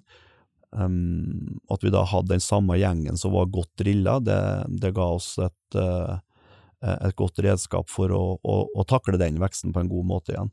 Så pandemien var nok uh, en av de uh, vanskeligste, ikke vanskeligste, men en av de tinga som virkelig var utfordrende å takle i og med at du ikke visste nesten fra dag til dag. Um, så jeg håper ikke vi håper ikke vi kommer noe, håper ikke det blir noen flere pandemier og, og nedstenging sånn som det, for det var Men som sagt, vi, vi, vi skal ikke klage på, på, det. Vi kom oss igjennom det, og det er de bedriftene som eh, virkelig har fått kjenne på det mye mer enn vi har gjort. Altså, det er, det er bare tragisk, og det ser du nok dessverre heller ennå ikke fullt eh, ut konsekvensene av. Um, det begynner å vises litt på konkursstatistikkene, som dessverre um, øker framover nå, der en del av de utsettelsene av skatter, avgifter og andre ting du fikk under pandemien, eh, nå skal betales tilbake. Og det er klart bedrifter som eh, kanskje går sånn pluss-minus null til vanlig, som har måttet utsette skatter og avgifter på x antall kroner med rente på 8% og så skal de begynne å betale det tilbake. Det er fryktelig vanskelig regnestykke å få til å gå, gå opp, i og med at du i en normalsituasjon kanskje ikke tjener all verdens på bunnlinja, så skal du plutselig etter covid eh, øke bunnlinja di veldig mye for å klare å betale renta på utsettelse av skatter og avgifter, som et eksempel. Det, det er ikke en enkel, eh, enkel øvelse, altså. Så der um, vil nok mange, spesielt små og mellomstore bedrifter, gå um, har vansker med å klare å komme seg over, over vannet igjen. Så det, det mm, kan en mene mye om, og det med å legge en så kraftig rentebelastning på utsatt, utsetting av skatter og avgifter under en pandemi, det mener jeg var feil, og så mener staten at det var viktig, hvis ikke så var det mange flere som har kommet til å gjort det, osv. Men ja, det får være til en annen gang. Ja. En annen ting, jeg har forstått at det er viktig for Subshore at dere bruker lokale leverandører. F.eks. for eksempel når nye nettsider skulle på plass. Dere kunne gjort det billigere andre plasser, men dere valgte lokale folk. Ja, altså vi er jo eh, Ja, si at vi er lokale uh, patrioter, da. Men det, det, med å bruke lokale er, er, er viktig for oss. Og så er det også sånn at lokale får ikke noe mer fortrinn eller at de er lokale, så du må være eh, konkurransedyktig. Både på utførelse av tjeneste og på, på, pris, men alt annet likt så eh, foretrekker vi å bruke eh, lokale. Og det er litt sånn, jeg tror kanskje jeg vært mest oppmerksom på hva det egentlig kan bety, eh, det der at to pluss to er fire, men i en sånn ligning som det her, så kan du faktisk få mer ut av det, eller å få fire. Eh, og Det lærte jeg da jeg var på Sunnmøre, bodde i Ulsteinvik, det glemte vi i stad, var jo der en periode òg. Men eh, å være en del av den maritime, å få jobb i den maritime klynga på Sunnmøre, det eh, var en eh, erfaring som jeg eh, har reflektert over mange ganger i etterkant, og jeg sier det til mange når jeg snakker med dem òg, det der om å unne i stedet for å misunne det er noe som sunnmøringene er gode på. Så kan en jo mene mye om sunnmøringene, at de er kanskje litt for lokalpatriotiske innimellom, men, men det der eh, å ha forståelsen for at kunnskap avler kunnskap, det å bruke hverandre og gjøre hverandre god for det at det fører til at alle andre òg blir bedre, det er sunnmøringene eh, søkkende eh, gode på. Og det har vi lyst til å være en eh, del av der vi er lokal. Eh, det være seg om det er på Stord, eller om det er i Klaipeda, Litauen eller Mangala, Romania, KVN. Det å gjøre hverandre god lokalt, det er, er, viktig for oss, fordi vi mener at eh, det gagner eh, helheten. Så det å bruke lokale, eh, det, det, er viktig eh, sånn sett, men eh, vi må selvfølgelig være konkurransedyktige for, for det, altså. Men det, det, det er kjekt. Og så er det jo òg enklere å kommunisere eh, når du sitter nesten rett over gata for hverandre, eller om du skal bruke noen i Kina eller, eh, eller andre plass. Altså, det er jo en faktor du må ta med i, i det hele. Men det å eh, unne hverandre i stedet for å misunne, det er noe som jeg syns vi snakker for lite om, og som jeg også syns vi er for dårlige til her på Stord. Mulig at uh, det er for at jeg kommer utenifra, kanskje, at jeg ser på det på en annen måte, eller dem som er, um, er vokst opp eller alltid har vært på, på Stord, og vi har nok en oppfatning av at vi er bedre på det sjøl, eller hva vi faktisk uh, er. og det ser vi òg litt sånn rundt i sosiale medier og andre ting, at uh, er nå har han tjent nok, eller nå, nå er det nok, nå må vi prøve å handle hos noen andre fordi at han har enten kjøpt seg ny båt eller ny bil eller uh, et eller annet sånt. Og det, det tenker jeg at det, det, betyr egentlig ingenting hvis noen eh, røkker for eksempel, og jager ut han av landet fordi at han eh, har tjent mye, mye penger. Jaggu har den mannen vært med og skapt mye òg, og her på Stord så vet vi nå hva, hva Aker eh, har betydd og betyr. Eh, så om en Røkke vil ha et privatfly, eller om han vil ha ei stor hytte på Oppdal, hva i alle dager han vil ha for de pengene som han eh, kan bruke, ja, la han nå ha det. Har han ei hytte på Oppdal, så er nå det arbeidsplassen når den hytta skal oppføres, og han har sikkert noen til å vaske der, og, osv., så videre, så det er jo verdiskaping i seg sjøl. Så det å, å unne i stedet for misunne, det er viktig på så mange plan. Eh, og det med, med, tanke på handel lokalt. Ja, handler du lokalt, så er det faktisk noen som kanskje kan tjene på det du, du kjøper, men betyr det eh, noe negativt? Nei, det gjør jo ikke det. er jo bare positivt. Så eh, tenk på det. Kunnskap avler kunnskap. Gjør hverandre god. Så, så vil det skape noe positivt, mer positivt for oss her i lokalsamfunnet, eller, eller motsatte. Det, har du en tjeneste her, eh, så ser ikke jeg poenget med å gå til Bergen og hente den, eller gå til Stavanger med å hente den, bare fordi at naboen din kan tjene på det. Det, det, det, det, er merkelig. Er det andre ting som ligger bak, så, så mulig, altså, men alt annet likt, så tenker jeg at da, da, da bruker vi lokalt. Ja, Dette med å bygge et varmt og inkluderende sterkt samfunn det er en viktig verdi for Subshore, eh, og det er jo ikke få aktører dere har støtta opp gjennom tida. Logoen deres dukker opp eh, på ulike både T-skjorter og arenaer rundt omkring. Det kan bli en lang episode hvis du skal prate om alt dere har støtta og hvorfor, men fortell litt om, eh, om det engasjementet. Det litt... blir det en lang episode, da, da ser jeg jo allerede. Ja, det, det, det, altså, vi, vi, har, vi, har, ikke begynt ennå, Kjetil. Nei, nei, nei. Så vi vi må starte matpause. Ja.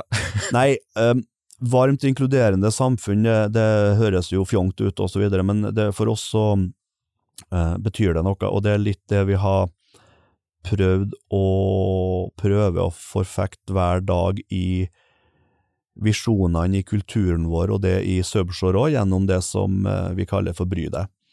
Um, og ut i arbeidslivet, da, hvis vi begynner der, eh, det å, å, å bry deg, er for eksempel hvis du går forbi en arbeidskollega og du ser at han har glemt hjelmen, så skal du selvfølgelig bry deg, så går du bort og sier nå må du ta på deg hjelmen. Uh, du kan selvfølgelig velge å ikke gjøre det, og i neste sekund så detter en skiftenøkkel ned i hodet på han, og så tenker jeg du du tenker at det, det, det var dumt at ikke, ikke jeg brydde meg. Uh, for å sette det litt på en sånn ekstrem eh, spiss. Men, men det, handler, det, det handler om det der å ta seg tid til hverandre. Det å, å se hverandre, se andre, det å gi andre anerkjennelse, igjen det der å unne i stedet for misunne, det er ting som vi mener um, gjør det lettere for deg sjøl. Eh, det er positivt. Jeg er helt sikker på at hvis du gir noen et smil, og får et smil tilbake, så gjør det ikke vondt i kroppen. Um, så, det er generelt å, bry deg om andre, for å koke det ned til to, år, ord, det er viktig, og det vil eh, være med på å bygge et mer inkluderende og varmt eh, samfunn. Skal du bygge et inkluderende og varmt samfunn, så handler det om mennesker. Eh, skal du gjøre mennesker eh, åpen for å inkludere, eller åpen for å gi varme, så er du nødt til å ha positivisme i dem. Det er sånn psykologiske eh, grunntanker som du er nødt til å ta med deg. Eh, klarer du hele tida å, å nudge, eller nudge, det er norsk ordet for å nudge blir dylting, Eh, hvis du hele tida klarer å dylte litt i folk og prøve å peke dem, skubbe dem i en sånn positiv retning, så klarer du sånn sakte, men sikkert, eh, tror vi, å, å, å få den mm, ja, positivismen inn i, i, ryggmargen. Altså det å bry seg blir en helt naturlig del av væremåten din. Og så sier ikke vi at folk ikke bryr seg, men vi kan alltid bry oss litt mer det vil alltid være rom for å bry seg litt, uh, litt mer. Uh, og det er faktisk uh, Jeg blir glad når, når jeg får et smil eller et hei fra noen. Jeg prøver å gjøre det samme med de her to små guttene våre hjemme, og sier at møter dere noen eldre eller noen på butikken, og sier bare hei. Og ingenting gleder meg mer enn når guttene kommer hjem og sier pappa, vi, jeg sa hei til en på butikken i dag, og, og, og han stoppa opp og smilte til meg. Det er klart at det, det betyr noe, de der småtinga der. Uh, og Derfor er det viktig for oss i det, de samarbeidene vi har med, med lag og foreninger, der bry deg skal på en måte være det grunnleggende eh, eh prinsippet som vi ønsker at eh, de lagene og foreningene vi samarbeider med, òg skal tenke gjennom. Om det er fotball eller klatreklubb, eller om det er individuell idrett, eller eh, hva det nå er for noe, så er det litt det der eh, Når du går med bry deg på T-skjorta di, så, og, og Subshore sin logo, så håper jeg for det første at du er litt stolt av å, å ha den eh, skjorta på deg. Eh, og at det å gå rundt med bry deg på, på, på klesplagg som du har på deg, og gjør det at du tenker bitte litt ekstra bare gjennom at i dag skal jeg si hei til den første jeg møter. Får vi det til, så vil du òg skape et sånn eh, på et eller annet tidspunkt, uten at jeg tror vi skal klare å, å, å omvende verden på det her, men du vil skape en form for eh, Eh, kom til et punkt der du får en, en masse suggesjon, eller der du eh, Det blir en naturlig del å, å, si hei i stedet for å ikke si noe. Så er det sånn at å stå opp om morgenen og, og være glad er bedre enn å stå opp om morgenen og, og, på en måte starte dagen med å drikke hoggormblod. Det, det, gjør noe med deg som menneske, og det gjør noe med hvordan du er resten av dagen. Um, og mennesker fungerer best hvis de er fylt av positiv eh, energi.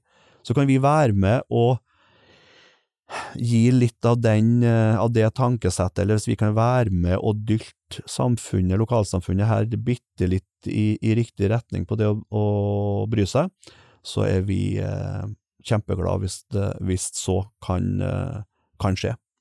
Uh, en ting som uh, Subshore har engasjert seg i, det er noe som heter Robotklubben. Du må fortelle litt om hva er, hva er det for noe? Robotklubben er mm, en, en kjekk sak. Lego. Det handler, om, det handler, om, Lego, og Lego er, er, er noe som jeg er fryktelig glad i sjøl. Jeg har vært siden jeg var liten.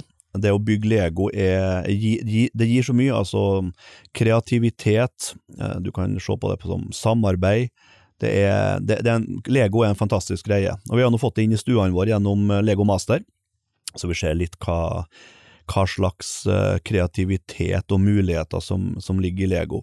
Men Lego og, og Robotklubben, eh, fordi at vi har et ønske om å prøve å gjøre noe for å få opp uh, interessen på yrkesfag. vi mener jo, mener jo mye om, om, det òg, og det å ja, litt walk the talk. Skal vi mene noe, så, så, er det litt sånn at da bør vi prøve å gjøre noe med det òg. Og i Subshore så er robotklubben eh, det som vi har eh, på en måte gjort for å eh, Eller i håp om å eh, vekke yrkesfaginteressen hos eh, barn og unge. Så robotklubben er rett og slett eh, en klubb der du kommer og får lov til å bygge Lego, programmere Legoen til å bevege seg, løse ting osv. Og, så og vi har òg med 3D-printing for å gjøre det litt mer eh, komplisert for dem som er, er gamlere eller minste ungene. Så der har du seks til ni år, bygge Lego, og så har du en gruppe fra ti år og oppover. Og det du bruker der, er mm, Lego sitt Lego Education System. Ehm, det brukes også en del i skoler. HVL her på Stord har eh, de samme setta som vi bruker.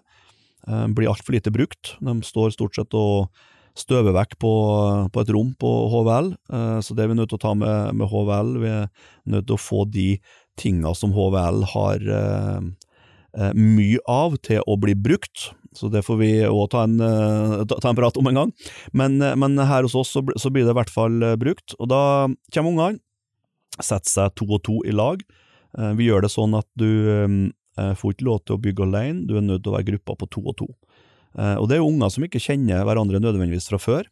Og det som er kult, da, det er å se at den eh, hva skal si, icebreakeren, eller eh, de setter seg ned med Lego. Lego er noe som de aller, aller fleste kjenner eh, ifra før, har et forhold til ifra før. Så betyr at alle sammen føler et form for mestringsnivå med en gang de setter seg ned.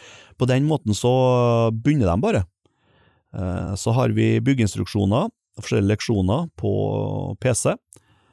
Mm, da bygger de eh, ja, en form for, kall det, robot. Så programmerer de etterpå den roboten i et programmeringsspråk som er tilpassa mindre, der du bruker blokker. Ei blokk som sier gå fremover, eller sving til venstre, sving til høyre. Altså en enkel form for programmering, men endog programmering. Så får de den Lego, det legobygget til å gjøre de tingene som de vil gjennom den programmeringa. Uh, ungene storkoser seg, de syns det er kjempegøy å være en, en del av roboklubben. Um, og vi håper jo at det Det ene er jo at du, du skaper glede for de, de små, men at det òg skal sitte igjen når de blir litt større, og, og seinere skal velge uh, utdanning. Der vi håper at flere skal velge yrkesfag, fordi at vi vi har for lite folk uh, i, i, dag som tar yrkesfaglig utdanning. Vi er helt avhengig av å ha flere som tar yrkesfaglig utdanning. Her på Stord så er vi jo veldig vekta mot uh, Vi har mye industrielle arbeidsplasser, og vi trenger folk som kan gå inn i de arbeidsplassene. Og så er det sånn at yrkesfag ikke um, det er mange som tenker på at ja, da er du sveiser, eller da er du mekaniker, eller noe sånt, men, men yrkesfag er så mye mer enn det. Uh, og i et samfunn nå der uh, vi digitaliserer mer og mer, og vi kommer nok til å se en uh, økende grad av digitalisering, så er det um, vi gjør i robotklubben, mener vi veldig tilpassa det arbeidslivet som vi vil se mer og mer av framover, der du må innovere, der du må sette sammen for å skape, og der du må programmere for å få den tingen du har skapt til å gjøre den oppgaven du, du vil at den skal, skal løse.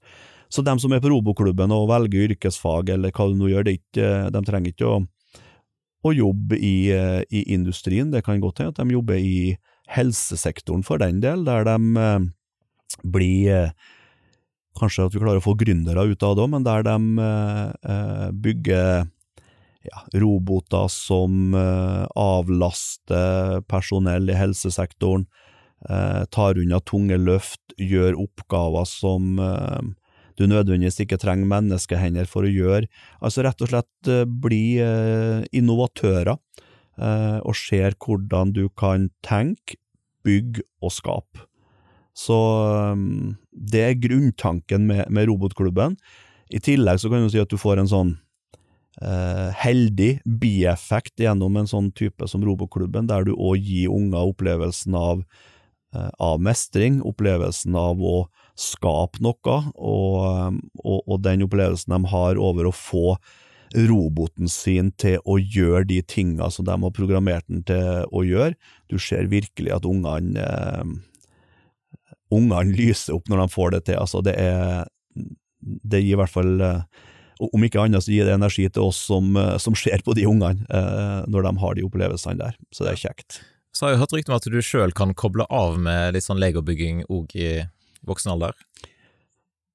Ja, 73-modell som eh, fremdeles eh, bygger Lego. Eh, jeg gjør det. Lego, som jeg sa, har vært uh, en stor del av, av det jeg gjorde i, i barndommen. Jeg elska å bygge Lego, og hadde mye Lego. Mm, og brukt leketøyskataloger. Eh, når det, det, kom, så fikk du sånn Lego-kataloger og så videre, så brukte jeg det å se etter når jeg, når jeg bygde Lego, for å prøve å bygge de modellene som du så i katalogen. Uh, lyktes vel ikke alltid, men uh, noe av det fikk jeg, fikk jeg til. Men det, det, gir en Jeg liker å sette meg ned med de der uh, Lego-klossene og pusle dem sammen og, og få på en måte lobotomert uh, hodet mitt, for å, å, si det sånn. Og så um, er det jo sånn at jeg Sikkert litt derfor du kanskje liker å være gründer òg, men det der å, å, se at ting blir til, at du lager ting og bygger sammen ting, det, um, det, det er kjekt, altså. Og jeg tror det var Eller jeg tror ikke det var en episode av, av Sunnlandspodden, Um, det er mye fornuftig som er, er sagt, og, og, det er opp gjennom tida i Sunnlandsbodden, altså, men det var ei dame du hadde, hun var nok en form for, jeg kaller det terapeut, men hun sa det der viktigheten av å finne sin ja, ting å koble av med, eller finne sin pause, altså hva, hva, hva kan du gjøre for at hodet ditt skal ta en pause? Og jeg mener at hun fant roa i, gjennom å ta båten sin og ro. En uh, sånn Os-elver, eller noe sånt? Semje familieterapi på, på Tysnes. Søk opp episoden. Mm. Stemmer, og, og, det der er uh, er viktig. Altså for, forstå viktigheten av det å klare å finne sin Oselver, altså finne sin måte og litt sånn kontroll alltid litt uh, hodet på. Uh, det er søkkende viktig uansett hva du holder på med, om du har negative tanker eller positive tanker, eller du bare rett og slett bare er overfylt av, eh, av tanker og inntrykk og, og, og, så videre. Det der å gi eh, kroppen en eh, både fysisk og psykisk, men mest psykisk pause for å, å få renska opp, det er, det er viktig. Jeg var hos ei kjekk dame her forleden som eh, stikker nåler osv. i en gammel kropp. Og det der å, å være i et serviceyrke der du snakker med folk uh, mye om, frisører eller hva det er for noe, så tror jeg det er, det der å, å koble av er, er, er, viktig for alle, uansett yrke. Og hun uh, kobla av gjennom at hun sykla til og fra jobb. Så når hun var ferdig på jobb, så sykla hun hjem, og fikk på en måte en sånn kontroll alt delete, og klar for, eh, for hjemmebane når, når han kom hjem. For det, der òg er det noen som venter på oss og krever full attention osv. Så, videre. så det, det der å mm, tenke gjennom sin måte å koble på, som hun sa, det er, det er viktig, altså. Og for meg så er det blant annet Lego, kanskje ikke bare det, men, men Lego er en av de tingene som jeg, jeg setter stor pris på. Også. Så anbefaler å høre som du sier, den episoden for å, å plukke opp eh, den delen av eh, uh, ja, viktigheten av å, å, gjøre hverdagen din sjøl rett og slett mer levelig, gjennom å klare å koble av. Ja. Dere var inne på Klatrehallen i Nyseter nå ganske nylig, og ble sponsor der. Mm. Hvorfor engasjerer dere dere i, i den type? Altså, Klatrehallen på, på Nyseter er et uh, tilbud som uh, Altså, det, det, er jo en aktivitet som uh, som er bra for folkehelsa, om du skal si det sånn. det er òg en aktivitet som kanskje favner over andre, eller dem som nødvendigvis eller dem du finner på fotball, håndball, andre ting. Eh, det er et tilbud som eh, klatreklubben ønsker å tilrettelegge for barn og unge. Ønsker å ha så billig, gjerne gratis, tilgang for, for barn og unge. Noe som vi selvfølgelig heier på. Men samtidig så er det mm, et godt miljø, det er et trygt miljø, det er et utfordrende miljø, og et miljø som du, uansett ferdighetsnivå, eh, finner utfordringer i, samtidig som du får mestringsfølelsen. Det at små unger kan gå i veggen der og allerede fra fire-femårsalderen klatre opp og føle at de kan å klatre, det er, det er, kult. Så får det dem kanskje til å vil fortsette eh, å klatre enda mer videre, men det, det gir muligheter for, eh, for mange, for alle, og for ulike aldre. Um, og så er også det Hvis du skal koble, altså helheten i det, eller koble det litt opp imot eh, det industrielle og yrkesfag osv., som vi har snakka om, så er det klart at eh, klatring, forståelsen av viktigheten av å sikre seg i høyden, er jo noe som eh, vi har fokus på i eh, industrien, vi har fokus på det i kursene som vi kjører i Subshow-skolen, der du har fallsikring, rigging, altså det, det å forstå eh, faremomenter som det er med å være eh, å henge opp i lufta. Det er, mm, det, det er også et aspekt i det. Så kan vi få folk innom i klatreklubben. De tar kurs der de klatrer i veggen og forstår hvordan det er å være i høyden. Og i neste omgang så er det kanskje de folka som kommer ut i industrien og, og gjør arbeid i høyden, så vil de ha med seg en bagasje som er verdifull òg i, i, industrien, der du har respekt for, for det å være oppe i lufta.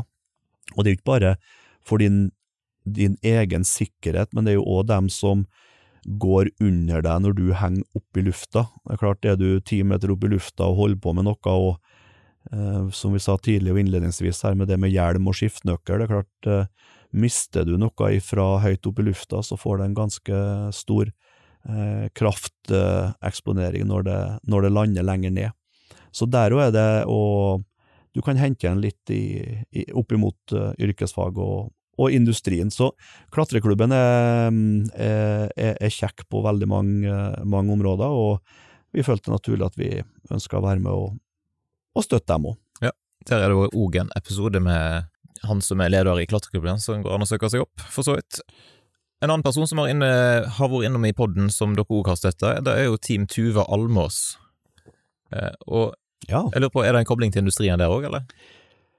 Nå må jeg prøve å tenke om jeg finner en, men øh, jo, altså øh, Det er ikke nødvendigvis kobling til industrien, men kobling til yrkeslivet med tanke på hvilken type mennesker vi tror at øh, vi har behov for i, i, industrien, eller i yrkeslivet. Det trenger ikke å være i industrien, det kan være i offentlig Eh, sektor for den del, helse og omsorg. Tuva utdanner seg jo innenfor helse og omsorg, så det, det kan være den, eh, den veien òg. Men Tuva er, eh, Tuva er, er rå. Um, anbefaler absolutt å høre episoden med, med Tuva på Sunnlandpodden. Hun har, tross sin unge alder, vanvittig mye erfaringer og opplevelser som, som hun har med seg. og Eh, sånne type personer er eh, bør være eh, folk vi setter pris på. Det er klart, hun har en, en, en lidenskap, engasjement og dedikasjon til det hun, hun gjør, som òg er, er, sammenlignbar med den eh, dedikasjonen eller engasjementet og det du må ha for å eventuelt være gründer eller gjøre en jobb ut i Eller kunne være kanskje en sterk leder, en som skaper osv. ut i, i næringslivet senere. Eh, hun står opp i fire-fem-tida på morgenen i all slags vær, tar med seg hundene i bil, kjører på eh, eh, på Fitjarfjellet opp med vindmøllene med vogna si og hundene, og trener hundene. Tilbake til, til Sagvåg og på Almås og får hundene inn i hundegjerdet og Eh, kler seg om og drar på skolen. Eh, etter skolen så drar hun på, kanskje på jobb, og så drar hun tar hundene igjen. Eh, hun bor i bilen i lag med hundene når hun kjører på fjellet osv. Klart at Um, der, der, snakker vi om å, å, å walk the, the, the, talk, altså. Og sånne folk um, må vi òg uh, være med å heie på og løfte fram, fordi at de uh, er verdifulle for, eh, for samfunnet, mener, mener, vi. Og jeg ser for meg at hun, Tuva kommer til å slå godt ifra seg, både innenfor hundekjøring, men også senere i livet når hun er ute i, i arbeidslivet. Jeg tror hun uh, har de egenskapene som skal til for å, å, kunne være en god leder og bygge et godt miljø og organisasjon i, i rundt seg òg. Så derfor er vi å og samarbeide med henne, for vi har lyst til å løfte fram den type mennesker òg, og håper at hun eh, tenker på det seinere, og når eh, hun kanskje kommer i en posisjon der hun kan, eh, kan være med å gjøre det, det samme. Om ikke annet så, eh, så, er det like viktig å ta vare på, på den type folk òg. Og det samme har du jo med, med sånn som Tonje Engevik, som vi òg har vært med å, og samarbeide med. En uh, individuell eh, idrettsutøver innenfor skyting, og presterer jo på, på toppnivå i, i, i verdenssammenheng. Mm, hun utdanner seg innenfor uh, barnevern, og um, har uh, Vi har hatt mange gode samtaler med henne, og anbefaler absolutt at hun kan være en som, som Sunnhordland-podden må ta en prat med òg, men der hun ser på og har et ønske om å kunne bruke skyting som en form for uh, terapi, eller en form for måte å eh, og jobbe innenfor barnevern, psykiatri osv. Så, videre. så det um, gode refleksjoner av så unge folk som jeg tenker um, fortjener på en måte å, og, at vi viser at vi, vi setter pris på eh, den, den, måten å, å, tenke på allerede i ung alder.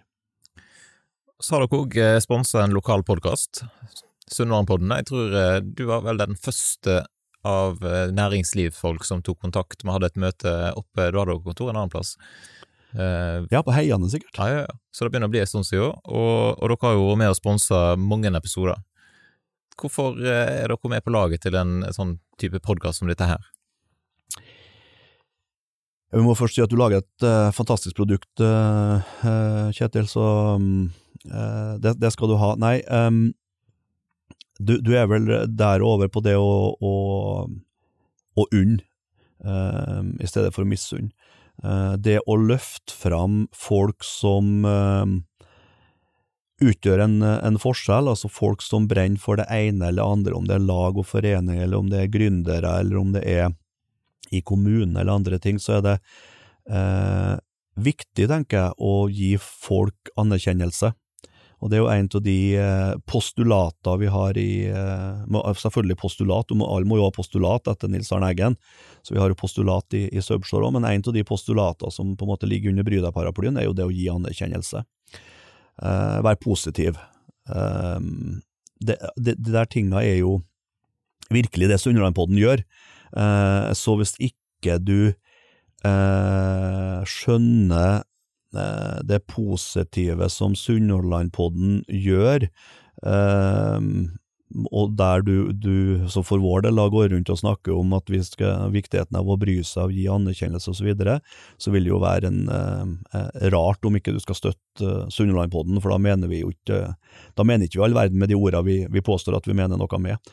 Så Sunnhordlandpodden er, er, er, er, blitt et eh, et godt media for, medium heter det vel, for å, å, få frem alt det flotte vi, vi har i Sunnland. For vi har mye bra. Eh, hvor mange episoder har du laga nå? Det er iallfall snart 250. 250. Du har ikke begynt engang med, med alt du, du, du, kan ta fram. Så du kan nok, eh, du kan nok holde på med Sunnlandpodden i ganske, ganske mange år ennå før du har tatt uh, halvparten av det. Og så kommer det jo selvfølgelig nye opp hvert år, som du er nødt til å, å ta òg. Så det, det, det, er bra, altså. Så, nei, det er helt naturlig å, å, å være med sammen med Sunnlandpodden, og jeg oppfordrer absolutt alle all, så mange som har muligheten til å være med og gjøre det samme, sånn at du du kan eh, fortsette å produsere på den, for det er klart det er ikke, eh, det er ikke gratis, det du gjør heller. Du bruker jo av eh, tida di, og du som alle andre er jo avhengig av å ha inntekt for å klare renter og strøm og de kostnadene som du og, og, og, din familie har, så setter vi pris på Sunnlandpodden, og det bør vi absolutt gjøre. Så, så burde vi òg prøve å, å, hjelpe til så godt vi kan for å, å få det til. Og så skulle vi jo selvfølgelig ha fått utvida Sunnhordlandpodden enda mer med ulike tema som eh, som òg har vært bra å fått inn under samme, samme paraplyen, så det må vi òg snakke om en gang, eh, Kjetil. ja, det er mange muligheter, og du, du var òg den som pusha til at det nå måtte det legges til rette for brukerbetaling, stemmer ikke? Jeg husker, husker rett, da var du som eh... Det var vel det, og og du var òg den første som tegna abonnement. Jeg var den første som eh, betalte abonnement. ja, og det er faktisk et par uh, stykker som har blitt med på det. da. Det er ikke sånn at uh, det blir ikke en veldig fin pensjon av det ennå, liksom, men uh, vi får se. Det koster 25 kroner måneden. 29, faktisk. 29 kroner måneden. Det er, med dagens inflasjon, så er det sånn ca. en halv kaffekopp det i måneden hvis du kjøper det ut på, på en kafé. Nei, altså um, Ja, jeg, jeg, jeg syns det er verdt å betale 29 kroner i, i måneden, eh, når du har muligheten til det, for å, å gi et bidrag til den jobben som, som du, Kjetil, gjør for å, for å fremsnakke regionen vår, fremsnakke Sunnhordland. Um, det er jo oss som region og oss som lokalsamfunn du, uh, du gjør det for, det er jo det det, det gagner. Um, så, så, så, det syns jeg er en en grei månedsavgift å, å, gi, og jeg håper at flere har lyst og muligheten til å, til å gjøre det, det samme. Eh, for det vil jo være med å bidra til at eh, det kan være lettere å produsere flere episoder av Sunnlandpodden.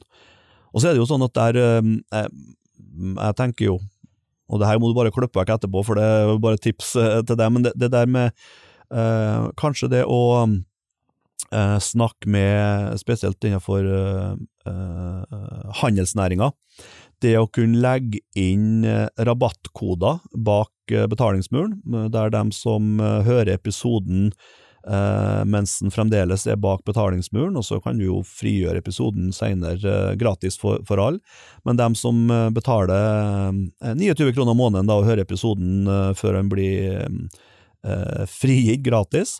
Der kan du opplyse om eh, en eller annen rabattkode, som for eksempel hos eh, ja, bare for å si første jeg kom på, var Peppes Pizza. Eh, med den rabattkoden så får du 15% på Peppes Pizza, for eksempel. Da vil det jo være sånn at Peppes Pizza har noe what's in it for me? Jo, det kan føre til at det kommer flere og vil kjøpe Peppes Pizza fordi at de får 15% rabatt. Det vil være positivt for Peppes Pizza, som får um, mulighet for meromsetning. Um, det vil være positivt for meg som har betalt 29 kroner, for jeg får 15% på en pizza. Der har jeg plutselig tatt igjen ja, fort kanskje to-tre måneder med abonnement på Sunnlandpodden.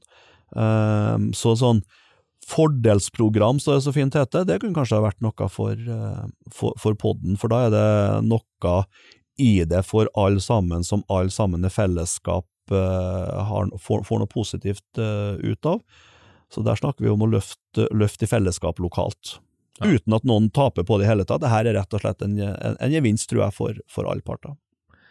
Godt, eh, godt, tips. Nå har vi jo blitt bedre kjent med deg, og vi har blitt kjent med Subshore, men du brenner jo for ganske mange flere ting, og vi har sett og snakket om at vi skal lage en del to eh, som da kommer bak denne her betalingsmuren, iallfall i første omgang, og så får vi se eh, hvordan det blir. Og Der skal du få lov til å, få frie tøyler bortimot til å snakke om strømpriser og disponering av havneareal og litt politikk og litt sånn forskjellig. Så hva tror du blir, blir folk eh, Er folk så interessert at de blir med inn i del to? det kan jeg aldri forstå, at det er noen som har lyst til å høre noe mer om om mine tanker om disponering av havneareal og lokalpolitikk og, og strømpriser osv., men eh, jeg står for mine meninger, og jeg skal, eh, jeg skal, gjenta det som jeg nok har ytra meg om ganske mye de siste åra, og, og, der, og vi kan eh, helt klart ta en diskusjon på det, Kjetil, for det, eh, det er en viktig del av eh, hverdagen til, til folk, der eh, jeg syns at uh, nå har det gått aldeles over styr inn på, på Løvebakken uh, spesielt, uh, og det er ikke det, det, jeg, jeg, finner ikke noen positive ting med det, um, og står for, for det, og vil gjerne snakke om det, både, både utenom og bak betalingsmur, så la oss, la oss gjøre det. det um, det kan bli kjekt. Ja, altså, og Hvis du lurer på hvordan i all verden finner ut av eh, hvordan en betaler, så er det rett og slett å gå inn på sunnmørpodden.no, der ligger det informasjon om det, eller òg inne, du ser det på Spotify og forskjellige plasser. Sånn at eh, bli med og hør på Atle sine, kan man kalle det for rants? det, det, må, det, må, bli så nærme rants som vi kan komme fra, men vi må prøve å ikke bare rants, vi må, vi, vi må jo prøve å argumentere på en god måte i, i rundt det uten å, å rente også. Det må, det, det må vi, det må vi ta. Ja. Uansett, takk for at du ble med i denne første del én, og så eh, poddes vi da i del to. Tusen takk for at jeg fikk eh, være med, Kjetil. Takk for at du lytta til dagens episode av Sunnhordlandpodden. Og har du lyst til å gi en tilbakemelding, så er det kjempestas om du sender en melding enten til meg eller til eh, gjesten som jeg hadde med meg i dag. Det er alltid inspirerende å høre ifra deg som har lytta til episoden, hva du syns. Har du lyst til å gi podkasten en vurdering i Apple Podcaster eller noen stjerner på Spotify, så setter jeg òg stor pris på det. Har du kritikk og konstruktiv tilbakemelding, så er det jo kjempestas om du sender en e-post til f.eks. post etter eh, sunnhordlandpodden.no. Og Hvis dette var første gangen du lytta til podden, så håper jeg da at du har lyst til å sjekke ut eh, flere episoder i arkivet. Det er så mange gode folk fra Sunnhordland som har vært innom studio og delt om det som de brenner for. Og Jeg håper da at du har lyst til å slå følge med podkasten i sosiale medier. Du finner oss på Instagram og på Facebook. Det er òg veldig flott om du har lyst til å sende inn ønsker og tips om personer som du mener bør være med i podkasten framover. Da ønsker jeg deg en fin dag, og så poddes vi plutselig igjen hvis alt går etter planen.